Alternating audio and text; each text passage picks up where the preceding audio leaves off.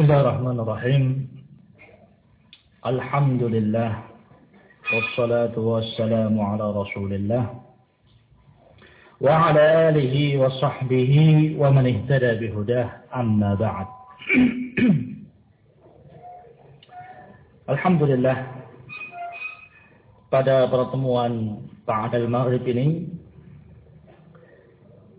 insyaallah taala ila ayyashallah sampai waktu yang ditentukan oleh Allah Subhanahu wa taala. Durasi bainal maghrib isya pada maghrib sampai isya. Ini ada permintaan untuk mengkaji dan membaca materi berkaitan dengan sirah. Sirah.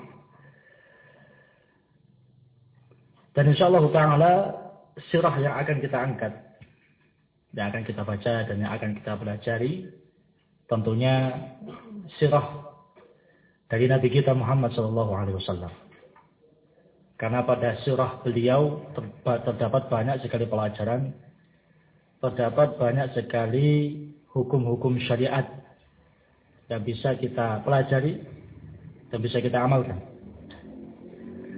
Dan mempelajari sirah itu merupakan salah satu dari bidang-bidang ilmu yang penting. Dikarenakan watak umat manusia pada umumnya, kehidupan mereka itu tidak terlepas dari suratun tamthiliyah.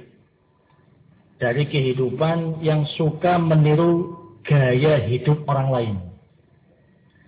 Jadi sadar atau tidak, yang namanya manusia itu suka yang namanya meniru. Suka yang namanya meniru. Ketika dia melihat ada gaya hidup seseorang yang dia kagumi, otomatis dia akan berusaha bagaimana caranya untuk bisa sama seperti orang tersebut. Itu kehidupan manusia. Dalam syariat Islam, tabiat yang seperti ini tidak diingkari selama pada batasnya dan tidak melanggar syariat. Bahkan syariat Islam mengarahkan pemeluknya untuk bisa mengarahkan watak ini kepada perkara yang lebih baik. Yaitu sifat yang seperti ini diarahkan untuk mempelajari dan mengenal bagaimanakah gaya hidup dan perjalanan dari kehidupan Nabi kita Muhammad sallallahu alaihi wa ala alihi wasallam. Dengan kita meniru beliau, kita akan mendapatkan kebaikan. Dengan kita meniru dan meniti jejak beliau, kita akan memahami sunnah. Kita akan memahami agama. Berbeda kalau kita meniru gaya hidup orang lain. Yang kita dapatkan semata-mata kesenangan duniawi. Tapi ketika kita meniru kehidupan Rasul alaihi meniru bagaimanakah gaya hidup beliau, meniru bagaimanakah kehidupan beliau, bagaimanakah akhlaknya beliau, bagaimanakah muamalahnya beliau, dan lain sebagainya, kita akan mendapatkan pelajaran yang sangat besar pelajaran yang sangat bermanfaat untuk diri kita. Kita bisa menerapkannya. Kebaikan yang akan kita dapat dan pahala dari Allah Subhanahu wa taala kalau kita ikhlas dalam mengikuti kehidupan dan juga akhlak beliau sallallahu alaihi wa ala alihi wasallam. Kitab yang membahas tentang sejarah kehidupan beliau sangat banyak. Para ulama alhamdulillah semangat mereka untuk menjelaskan kepada umat mereka banyak menulis kitab-kitab dan karya-karya yang membukukan bagaimanakah kehidupan Rasul alaihi salatu wassalam. Ada kitab mutawalat, kitab yang tebal-tebal, ya, menjelaskan tentang kehidupan beliau secara rinci, secara detail, ya, baik kehidupan beliau berkaitan dengan rumah tangga beliau, kehidupan beliau, interaksi beliau dengan para sahabat, kehidupan beliau berkaitan dengan dakwahnya beliau, kehidupan beliau berkaitan dengan akhlaknya beliau, kehidupan beliau berkaitan dengan muamalah beliau dari sekian banyak aspek dan sisi dibahas secara tuntas. Ada juga karya yang ditulis secara mukhtasar, ringkas, ya, tidak terlalu panjang. Namun tidak kemudian kurang. Tidak, tidak terlalu panjang yang membosankan dan tidak terlalu kurang yang mengurangi daripada materi tersebut. Insyaallah taala kitab yang akan kita baca, yang akan kita bahas berkaitan dengan sirah nabawiyah, sirah kehidupan Rasul alaihi salatu wassalam. Kitab yang ditulis oleh Fadilatul Syekh Safiyur Rahman Al-Mubarak Furi. Safiyur Rahman Al-Mubarak Furi. Beliau menulis satu kitab khusus tentang kehidupan Rasul. Beliau beri judul Ar-Rahiqul Maktum. Kitab ini sangat masyhur. Terjemahannya banyak. Biasanya terjemahannya ada tulisan Sirah Nabawiyah. Ya, terjemahannya Sirah Nabawiyah. Tebal. Banyak beredar, Alhamdulillah. Dan kitab beliau ini, Rahiqul Maktum, terhitung kitab terbaik. Kitab terbaik dalam pembukuan dan penulisan sejarah Nabi alaihi salatu wassalam. Namun kita tidak membaca kitab itu karena terlalu besar, tebal, ya. Kita membaca ringkasannya. Jadi beliau meringkas kitab ini diringkas oleh beliau dan disajikan dengan bahasa yang lebih simpel, yang lebih ringkas, yang lebih ringan. Ya, namun tidak mengurangi, tidak mengurangi bobot daripada materi sirah tersebut. Insyaallah taala kita akan membaca kitab Raudhatul Anwar. Raudhatul Anwar fi Siratin Nabiyil Mukhtar. Karya beliau Safi Rahman Al-Mubarak Insyaallah akan kita baca kitab ini. Ya. Sambil jalan, yakni tidak ditarget, ya. Tidak harus kemudian ini harus selesai cepat-cepat tidak Ahamus syai yang paling inti dalam pembahasan kita, baik kitab ini atau kitab-kitab yang lain atau kajian-kajian yang lain, intinya adalah al-fahmu wal amal. Dipahami dan diamalkan. Mau selesai, mau ikut sampai selesai kitabnya atau tidak, tidak masalah. Yang penting dipahami dengan pemahaman yang benar dan diamalkan dalam kehidupan kita. Huwa al-murad. Ini yang diinginkan dalam pembahasan kita. Apalagi yang akan kita bahas, ini pembahasan yang berbobot dan termasuk pembahasan yang penting dalam Islam. Mempelajari sejarah kehidupan Nabi umat ini, mempelajari sejarah kehidupan Nabi yang paling utama dari semua para Nabi dan para Rasul. Yaitu Nabi kita Muhammad Sallallahu Alaihi Wasallam. Nah, dengan kita mempelajari sejarah kehidupan beliau, kita akan banyak sekali mempelajari dan mendapatkan faedah dari kehidupan beliau bagaimanakah akhlak beliau, bagaimanakah kezuhudan beliau, bagaimanakah baiknya beliau dalam berinteraksi, bermuamalah, dan lain sebagainya. Insya Allah banyak sekali hukum-hukum yang akan kita dapatkan dan akan kita kaji dan akan kita ambil dari sejarah kehidupan beliau alaihi salatu wassalam. Nah, namun sebelum kita masuk pada sejarah kehidupan beliau sebelum kita baca kitab itu. Di sini untuk pertemuan malam ini, anak ingin membacakan satu kisah. Kisah dari salah seorang ulama kita. Kisah bagaimanakah perjalanan beliau dalam mencari ilmu. Dengan tujuan agar kita lebih semangat agar kita bisa menjadikannya sebagai pelajaran dan pengingat. Syukur-syukur kita bisa meniru dan mencontoh bagaimanakah apa pelajaran yang beliau ajarkan kepada kita melalui kisahnya tersebut. Anak ingin membacakan kisah salah seorang imam besar di zamannya. Salah seorang imam murid seniornya Imam Abu Hanifah. Imam Abu Hanifah itu termasuk salah seorang tabi'in. Salah seorang muridnya sahabat. Abu Hanifah itu termasuk pemuka dan tokoh madhab Hanafi. Madhab fikih yang kita ketahui ada empat. Hanafi, Maliki, Syafi'i, Hambali. Hanafi, pemimpinnya, pemukanya adalah Imam Abu Hanifah. An-Nu'man ibn Thabit ibn Zuti rahimahullah. Yang kedua madhab Syafi'i. Pembukanya adalah Al-Imam Syafi'i yang paling masyhur.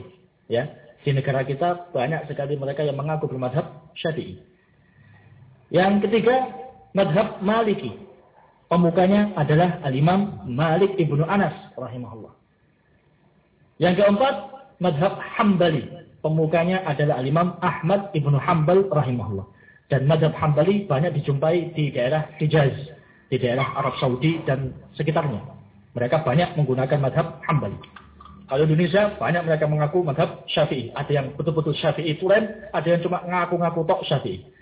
Nah, Nah, yang akan kita bahas adalah salah satu dari murid seniornya Al-Imam Abu Hanifah.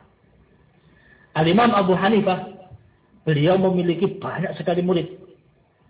Di antara murid-murid beliau yang menonjol dan bisa dikatakan sebagai pengganti beliau, ada dua. Ada dua.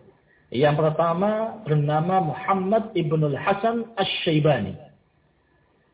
Yang kedua Al-Imam Al-Qadhi Abu Yusuf. Al-Qadhi Abu Yusuf. Ini dua orang yang sering sekali disebutkan kalau kita membahas fikih ala madhab Hanafi.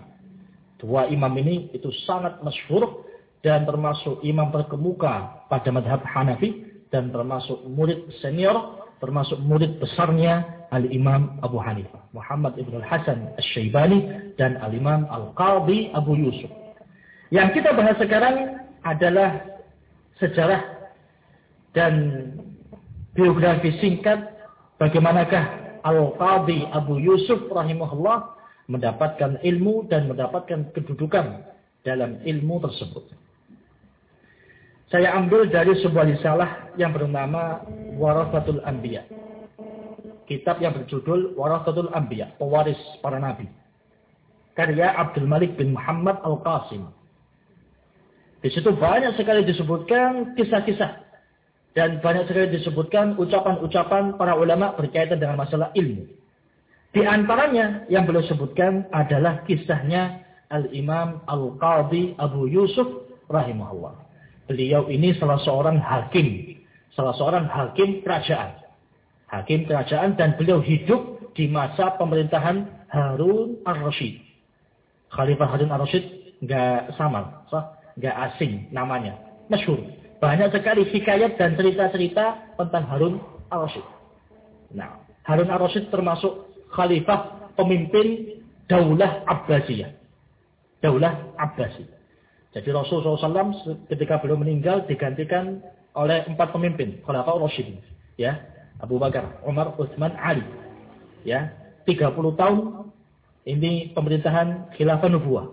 Khilafah nubuah di ujung apa, pemerintahan Ali tidak genap diselesaikan oleh putranya yaitu Al Hasan ibnu Ali.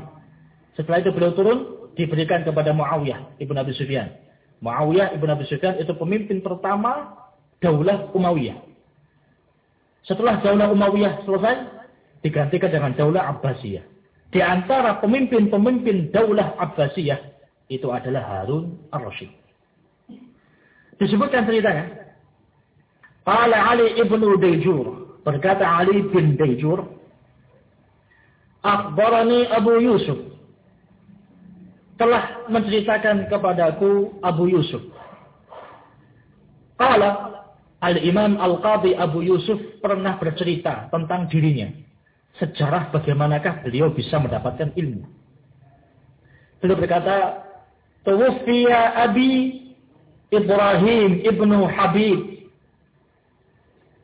Ketika aku masih kecil, ayahku meninggal dunia. Ayahku bernama Ibrahim bin Habib. Wa khallafani saghiran fi hujri. Ketika itu aku diasuh oleh ibuku. Jadi beliau ditinggal mati oleh ayahnya. Tinggal ibunya. Ibu beliau yang mengasuh beliau, yang mendidik beliau dan membesarkan beliau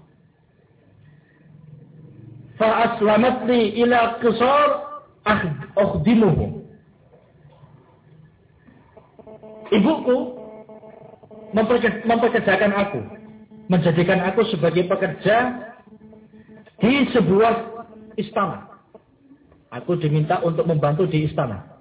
Ya. Ya jadi pembantulah, ya cleaning service atau semisalnya. Ya untuk tambahan nafkah maisha. Karena ibunya sendirian, Al-Qadhi Abu Yusuf ini anak laki-laki, otomatis dia menjadi ujung tombak, ya, ujung tombak keluarga, tulang punggung. Ya. Dia kerja di salah satu istana. Fakuntu ad'ul qisar wa amurru ala halqati Abi Hanifah fa ajlisu fiha. Suatu hari aku meninggalkan istana. Kemudian aku melewati kajian taklimnya Abu Hanifah. Maka saya pun mencoba untuk mampir. Jadi habis kerja, ya habis bantu-bantu di kerajaan, di istana, pulang. Pas pulang lewat, uh, ada kajian taklim ini. Siapa ini orang? Ustadznya siapa ini? Oh, ustadznya ini Imam Abu Hanifah. Oh, ini imam masyhur di zaman kita ini. Ikut ya, masuk ke kajian beliau, duduk di situ, taklim di situ. Fakanat ummi taji'u khalfi ilal. Tiba-tiba ibuku datang ke majelis taklim tersebut. Nyari. ya Mana ini Abu Yusuf ini? Kok tidak pulang-pulang? Disuruh kerja tidak pulang. Ke mana ini anak ini? Dicari ketemu di majlis taklimnya Abu Hanifah. Maka umiknya pun ya tanpa segan-segan langsung masuk ya, langsung masuk ke halakoh kemudian mencari-cari aku. Fatakhudu biyadi. Kemudian tanganku pun dipegang. Ya, dipegang sama ibuku. Wa tadhhabu bi ila Kemudian saya dibawa lagi menuju ke istana. Ayo le balik kerja lagi ya. Ibumu ini masih butuh fulus. Kamu kok malah taklim di sini? Ayo kerja lagi. Sini, tak antar ke kerajaan. Dibawa ke kerajaan. Thumma kuntu ukhalifuha fi dalik. Tapi saya tidak mau. Ya. Jangan bu. Saya pengen taklim dulu. Ya. Ini loh. Ustadznya ini. Ustadz terkenal kok. Ini Ustadz Abu Hanifah. Imam Abu Hanifah ini. Ya saya jangan dibawa kerja dulu. Saya mau taklim dulu, Bu. Ya. Ibunya ngeyel, jangan kamu harus kerja. Oh, cik, Bu, saya mau taklim dulu. Wa adhabu ila Abi Hanifah. Dan saya pun nekat tetap taklim di Abu Hanifah. Li astami'at darsahu. Agar saya bisa mendapatkan ilmunya. Jadi datang taklim gitu. Kalau kelamaan taklim, ibunya datang. Tarik, tak suruh kerja dulu. Sibuk taklim sih, ya. Selesaikan dulu. Selesai taklim, baru berangkat kerja. Wa ila akhirnya terus demikian. Falamma ta'ala dzalika 'alaiha. Ketika keadaan itu terus demikian. Ibuku mulai bosan, ya. Iki anak iki ya suruh kerja minta taklim, ya. Suruh disuruh balik ke kerajaan tidak mau, minta taklim. Halat di Abu Hanifah. Akhirnya ibuku mengadu kepada Abu Hanifah. Ngadu sama ustaz saya. Inna hada sabiyun yatim. Laisa lahu syai'un illa ma at'amuhu min maghsili. Fada'hu yaksibu daniqan kulla yawm. Ya'udu bihi ala nafsih. Ibunya ini mulai mengeluh kepada ustazku. Ngomong kepada Imam Abu Hanifah. Pak Ustadz, ya, anak saya ini yatim Pak Ustadz. Ya, bapaknya sudah meninggal. Dan saya ini keluarga yang miskin, tidak punya apa-apa. Anak saya ini tulang punggung keluarga. Biarkan dia kerja, biar dia bisa dapat makan setiap harinya. Kasihan kalau dia kerjaannya taklim terus tidak makan anak saya. Tolonglah biarkan anak saya ini kerja, ya. Jangan boleh dia taklim, suruh dia kerja nanti biar dia bisa dapat makan. Kasihan anak saya yatim. Faqala Abu Hanifah. Maka Abu Hanifah mengatakan kepada sang ibu tadi. Ya mra'ah. Wahai wanita. Bu, kalau bahasa kita gitu, Bu, tak kasih tahu Bu ya. Ini ara fibnik aklan saya melihat anak ibu ini punya potensi loh bu. Cerdas anaknya ibu itu. Pintar. Ya. Fada'ihi yatlubul ilm. Biarkan dia belajar ilmu. Jangan engkau pendam potensinya. Dia punya bakat. Ya. Dia punya bakat. Anak sampeyan cerdas, bukan anak sembarangan. Ya, ya tolonglah bu, biarkan dia taklim supaya berkembang potensinya, bakatnya biar berkembang bu. Wa ma yudrik ayati alaihi ya'mun yawmun ya'kulul faludat biduhnil fustaq. Kamu tidak tahu, Bu. Siapa tahu, ya, anakmu ini nanti jadi orang besar, nantinya dia akan makan puding ya. Faluzaj itu bahasa Indonesianya puding.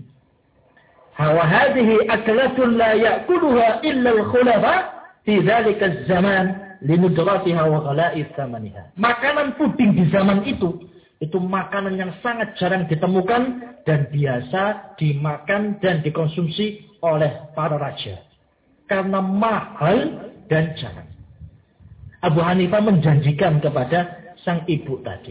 Bu, anak sampeyan pinter, taklimi rajin, cerdas.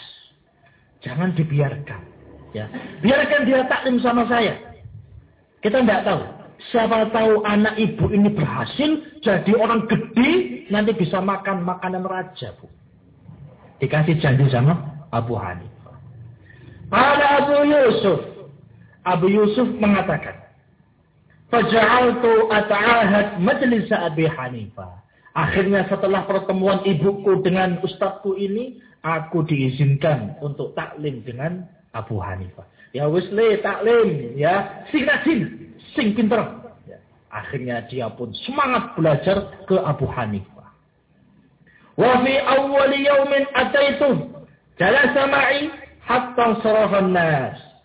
Hari pertama saya taklim resmi, ya. Kalau sebelumnya belum resmi, kenapa masih apa ujul ujul apa ilan sama ibunya? Datang taklim ditarik sama ibunya, tidak mau taklim terus demikian. Nah, ini sekarang resmi dia, ya. Datang sebagai santri yang resmi tak santri.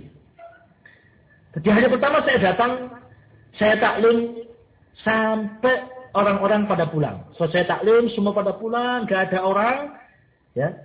Kecuali saya dengan ustadz saya. Fadafa'alu surratan faidha fiha mi'atu dirhamin. Ternyata Abu Hanifah memanggil saya dan memberi saya sekantong uang. Ketika saya buka kantong itu ternyata isinya 100 dirham. Dirham itu apa namanya mata uang perak. Ya, kalau dinar mata uang emas. Ada 100 ya, mata uang perak yang ada di dalam kantong itu. Wih, Iki fulus akeh ini. Ya. Ini uang banyak ini. Wa dan Abu Hanifah mengatakan kepada saya, "Ilzamil halqah." Kamu tetap belajar sama saya. Wa idza nafidat hadhihi fa'limni. Kalau habis uang ini, kamu beritahu saya, ya, nanti saya kasih tambahan. Kamu jangan khawatir tidak makan, tak kasih biaya, ya, tapi kamu tetap taklim sama saya. Karena Abu Hanifah melihat ini orang cerdas ini ya. Kalau dilepas begitu saja, emang. Masa orang cerdas megangi sapu ini nggak pantas ya. Masa di kerajaan nyapu, nyuci, wayang akhirnya nggak pantas. Ini orang cerdas ini. Bila dia belajar, dia jadi orang pintar. Dikasih semangat sama Abu Hanifah. Sini, ini uang, kasihkan ibumu, ya, untuk mencukupi keluargamu, tapi kamu tetap taklim sama saya. Kalau habis uangnya, kasih tahu, tak kasih lagi. Falazimtu majlisahu maka saya terus taklim dengan beliau. Falamma madat muddatun yasirah dafa'a ilayya mi'atun ukhra. Ketika berselang beberapa hari, Abu Hanifah kembali memberi saya 100 dirham lagi. Dikasih tambahan uang. Thumma kana yata'ahaduni. Fama taraka li khallatan. Dan beliau terus memberi saya dan beliau tidak meninggalkan kekurangan untuk saya yakni terus kebutuhannya dicukupi sama Abu Hanifah. Fanafa'ani Allah bi'ilmih. Maka Allah subhanahu wa ta'ala membukakan untukku ilmunya. Yakni Al-Qadhi Abu Yusuf berhasil. Ya, termasuk orang yang menonjol dalam ilmu tersebut. Hatta taqallattul qadha zaman al-khalifah al-umawi. Hingga akhirnya aku ditunjuk menjadi seorang hakim di masa Daulah Umayyah. Jadi ketika masuk zaman Daulah Umayyah, ya, Al-Qadhi Abu Yusuf diangkat menjadi seorang hakim. Menunjukkan berhasil. Kodok nggak sembarangan. ya Menjadi seorang hakim nggak sembarangan. Mungkin satu hari akan dihadapkan sekian ratus kasus. Dia harus menangani dan memutuskannya. Oh ini ada fulan, bunuh fulan, ini tengkar, bagaimana cara ngatasinya? Oh demikian, demikian, dalilnya ini, dalilnya ini. Tidak gampang. ya ini menunjukkan Al-Qadhi Abu Yusuf berhasil. Belajarnya berhasil. Thumma fi zaman Harun syara wa qadani qadhi al-qudha. Kemudian ketika aku apa namanya menjadi hakim di zaman pemerintahan Harun al-Rashid, orang-orang menyebutku dengan Qadiyul Qudat. Raja semua hakim. Jadi semua hakim yang ada di kota itu rujukannya beliau. Kalau hakim-hakim yang lain nyerah ngurusi kasus, langsung dirujuk ke beliau. Datang ke sana. Itu spesialis kehakiman itu. Ya, Beliau menjadi hakim senior. Qubat ilal. Karena saya biasa ya menggembleng orang dia jadi kodi, jadi hakim, kemudian saya kirim ke negara-negara yang lain atau tempat-tempat yang lain. Jadi kalau mereka dapat muskilah, dapat masalah, problem, tidak bisa dipecahkan, rujuknya kepada saya. Wailah. Wa kuntu ujalisul rasyid. Suatu hari aku sedang duduk bersama dengan Raja Harun Ar-Rasyid. Fabaina ana dhata yawmin indah id utiya bit'am. Ketika saya sedang duduk sama Harun Ar-Rasyid, tiba-tiba ada makanan yang diberikan dan disuguhkan kepada beliau. Dari maka Harun Ar-Rasyid berkata kepadaku, Kul min hada ya Aba Yusuf. Wahai Abu Yusuf, Makan, ini makanan. Fa innahu la yus'al la yusna'u lana fi kulli waqt. Makanan ini jarang ditemukan. Makanan langka ini, ya. Tidak mesti setiap hari ada makan, ya. Mumpung ada ini makan. Itu saya tanya kepada Harun Ar-Rasyid, "Wa ma hadha ya Amirul Mukminin?" Ini makanan apa wahai Amirul Mukminin? Qala Harun Ar-Rasyid mengatakan, Hadal faludat biduhil fustak. Ini puding. Ini puding. Fatabasamtu. Maka saya pun tersenyum. Ya, dikasih tahu ini loh, makanan jarang ini. Ya, makanan para raja. Itu pun gak mesti ada. Ini mumpung ada, makan, dicoba. Al-Qadi Abu Yusuf heran, asing. Ini panganan apa ini? Tanya, ini makanan apa ini? Sang raja mengatakan, ini puding. Ini puding. Maka Al-Qadhi Abu Yusuf spontan langsung tersenyum. Ya. Papa yang Rasid. Maka Harun al-Rasid tanya, Malat tabasam. Kenapa kamu senyum-senyum? Gak ada apa-apa, gak ada yang lucu kok senyum-senyum. Ada apa? Fakultu. Maka saya pun berkata, La syait. Gak apa-apa, gak apa-apa. Tenang aja.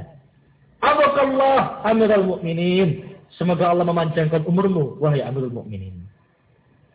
Wala alai. Terus raja itu mendesak saya. Ada apa sih? Kayaknya ada yang disembunyikan.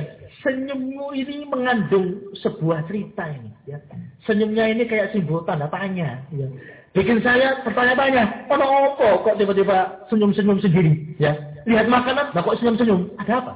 Oh, enggak apa-apa, tenang aja. Ya, santai aja. Ditanya, ada apa sih? Oh, tenang aja, tenang. Terus didesak.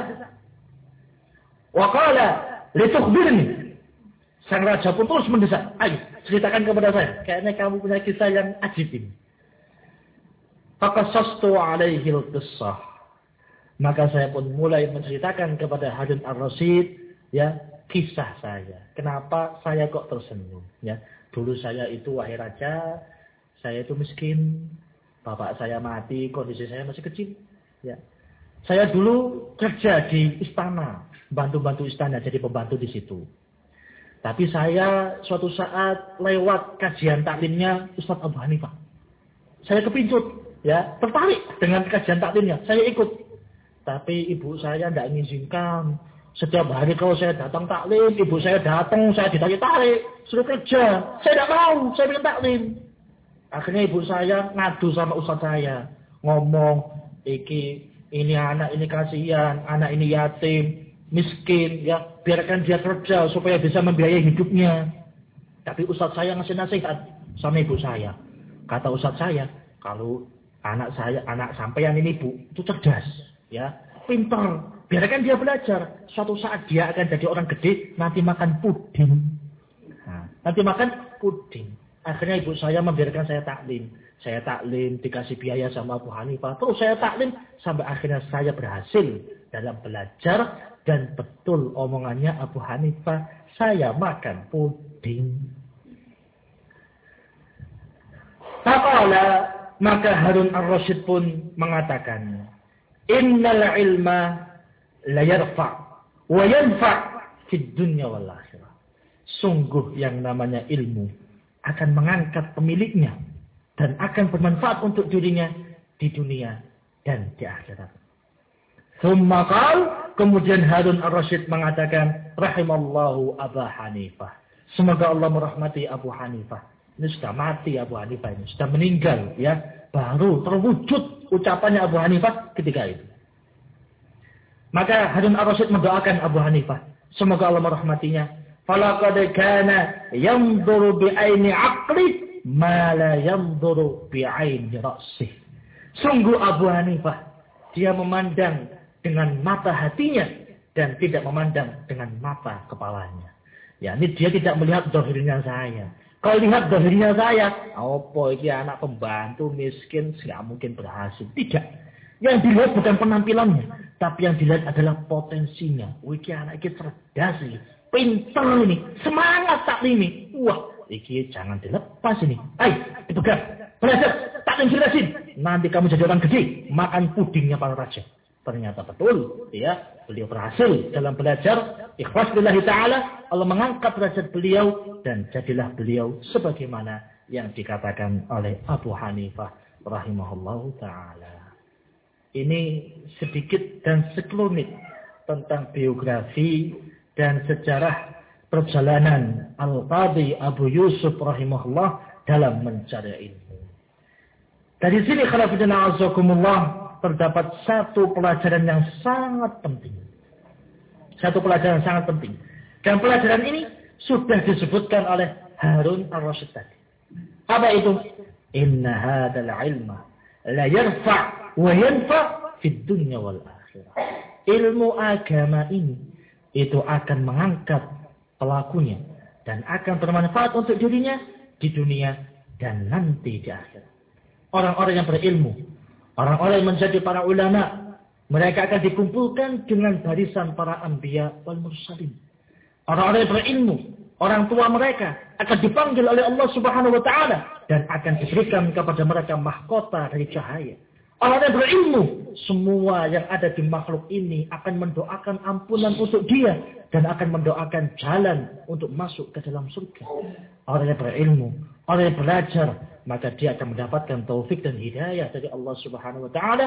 Wal hidayah aghla min kulli syai. Dan hidayah itu lebih mahal dari dunia.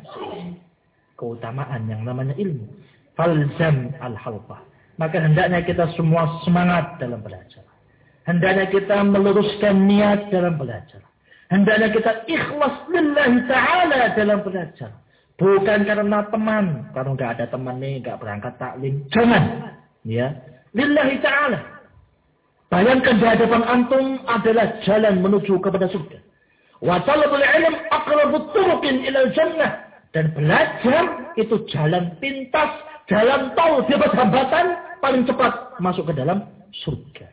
Antum fi ni'mah wa antum fil ilm wa antum fi khair falzamhu. Antum sekarang ada pada ilmu. Antum sekarang ada pada kebaikan antum sekarang ada pada barokah. Maka pegangilah kenikmatan ini. Jangan sampai lepas. Karena kenikmatan inilah yang akan bermanfaat untuk diri kita di dunia dan di akhirat.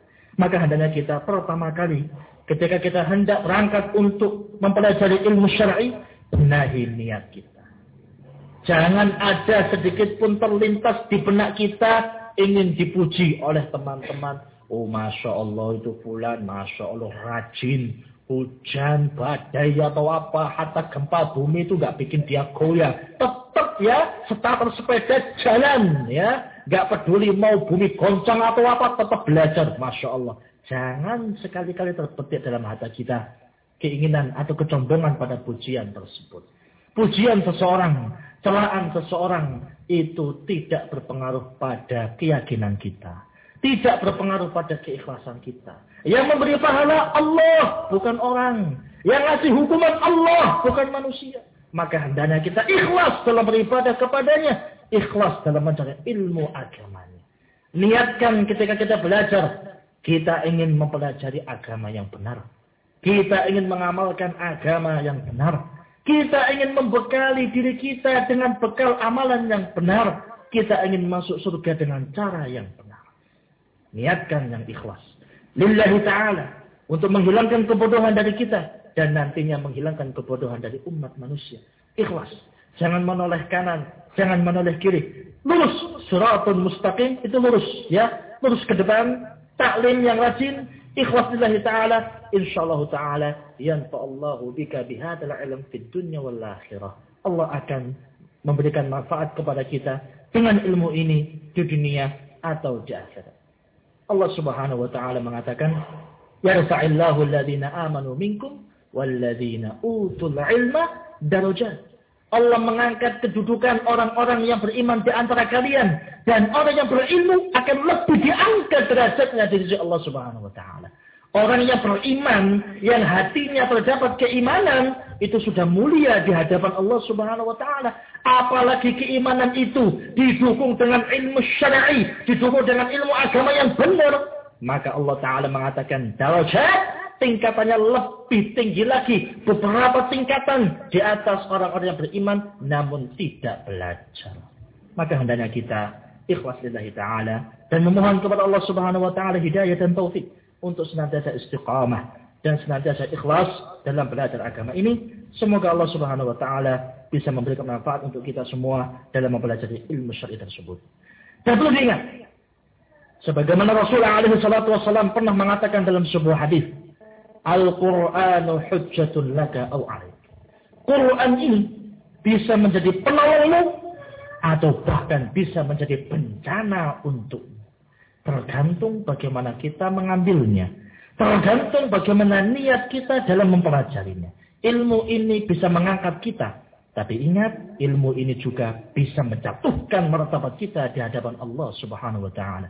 Rasulullah SAW pernah mengatakan dalam hadis yang sahih, Inna Allah yarfa'u bihadal kitabi aqwaman wa yad'u bihi akharin. Allah subhanahu wa ta'ala mengangkat derajat suatu kaum dengan Al-Quran dan menghancurkan derajat suatu kaum dengan Al-Quran juga. Kenapa kok bisa seperti itu?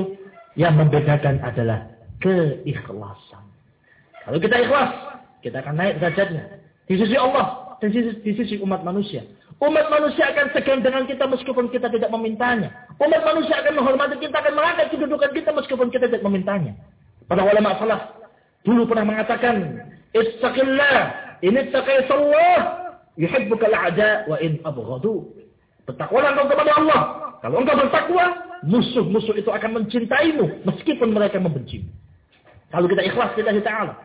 Kalau kita ikhlas dalam mempelajari ilmu syariat, kita akan diangkat kedudukannya oleh Allah Subhanahu wa taala meskipun kita di mata umat manusia dipandang sebelah mata atau bahkan tidak dipandang sama sekali. Tapi kalau kita belajar ikhlas lillahi taala, hanya mengharapkan wajah dan ridha Allah Subhanahu wa taala, insyaallah barakah yang akan kita dapatkan pahala yang akan kita dapatkan, manfaat yang akan kita dapatkan di dunia wal akhirah. Namun ingat, kalau kita salah niat, ya, niatnya keliru, bengkok, menyimpang ketika belajar pengen dipuji, ya, pengen dikatakan seorang alim, dikatakan sebagai orang yang rajin atau semisalnya, ingat, neraka Allah Subhanahu wa taala yang akan menunggu kita. Rasulullah SAW pernah memberitakan dalam sebuah hadis yang sahih, nanti di hari kiamat ada tiga golongan yang pertama kali akan diperhitungkan amalannya. Di antara tiga golongan ini, seseorang yang belajar ilmu. Seseorang yang belajar ilmu. Bukan ahli ma'asi, bukan terzina, bukan pencuri, pembunuh atau. Bukan. Tapi siapa? Orang yang belajar ilmu. Dia dipanggil oleh Allah di hadapan seluruh makhluk yang ada. Kemudian dihadapkan di hadapannya semua pahala yang akan didapatnya kalau dia belajar. Dan dia pun mengakui itu adalah pahala untuknya. Namun Allah Ta'ala memberikan satu pertanyaan kepadanya. Ya. Fima amil tadi. Kamu belajar untuk siapa? Kamu berdakwah untuk siapa? Kamu datang ke kajian taklim ini untuk siapa? Orang ini berbohong. Dia mengatakan saya taklim untukmu ya Allah. Saya belajar untukmu ya Allah. Saya berdakwah untukmu ya Allah. Allah Ta'ala langsung mengatakan, Kadang kamu dusta, bohong kamu. Kamu belajar biar disebut orang yang semangat. Kamu belajar berdakwah agar disebut ustaz. Kamu belajar berdakwah untuk disebut alim. Wakadukil. Kamu sudah mendapatkan gelar itu. Di dunia, kamu sudah dapatkan gelar-gelar seperti itu. Pujian orang sudah kamu dapatkan ya. Semua orang memujimu. Hatta presiden mungkin memuji kamu. Semua sudah kamu dapatkan. Tapi sekarang, Allah Ta'ala fa'umira bihi fasuhiba ala wajih fa'ulqiya Pada hari itu, ya yang tidak ada lagi kerajaan kecuali kerajaan Allah Subhanahu wa taala orang ini pun diseret di atas wajahnya dan dilemparkan ke dalam api neraka ancamannya sangat besar kalau kita salah niat sebagaimana pahala yang sangat besar kalau kita benar niatnya maka hendaknya kita menjaga keikhlasan kita dalam belajar ilmu syariat dan hendaknya kita semangat semangat dalam mempelajari ilmu syariat tersebut ihris ala ma yanfa'uk wa la ta'jiz wasta'in billah semangat dalam mempelajari apa yang bermanfaat untuk kita, jangan loyo, jangan males. Wasta'in billah, minta bantuan kepada Allah. Kalau sudah mulai futur, minta bantuan kepada Allah. Ya Allah, tabbit qalbi. Ya Allah, tabbit qalbi ala dinik, ala ta'adik. Ya Allah, tetapkan hatiku, tetapkan hatiku di atas ketaatan, di atas agamamu. Minta kepada Allah subhanahu wa ta'ala as-sabat. Minta pertolongan kepada Allah subhanahu wa ta'ala. Minta kemudahan dari Allah subhanahu wa ta'ala. Kalau mau taklim kok berat, minta kepada Allah kemudahan. Kalau ketika taklim kok bingung, minta kepada Allah ta'ala kemudahan. InsyaAllah ta'ala. Kalau kita ikhlas dalam memintanya, Allah subhanahu wa ta'ala akan memudahkan urusan kita semua. Wallahu taala a'lam bissawab. Ila huna naktafi. Dan insyaallah taala pada pertemuan berikutnya kita akan membahas dan membaca surah Nabawiyah biidznillah taala. Subhanakallahumma rabbana bihamdik asyhadu an la ilaha illa anta astaghfiruka wa atubu ilaik. Tafaddalu barakallahu fikum.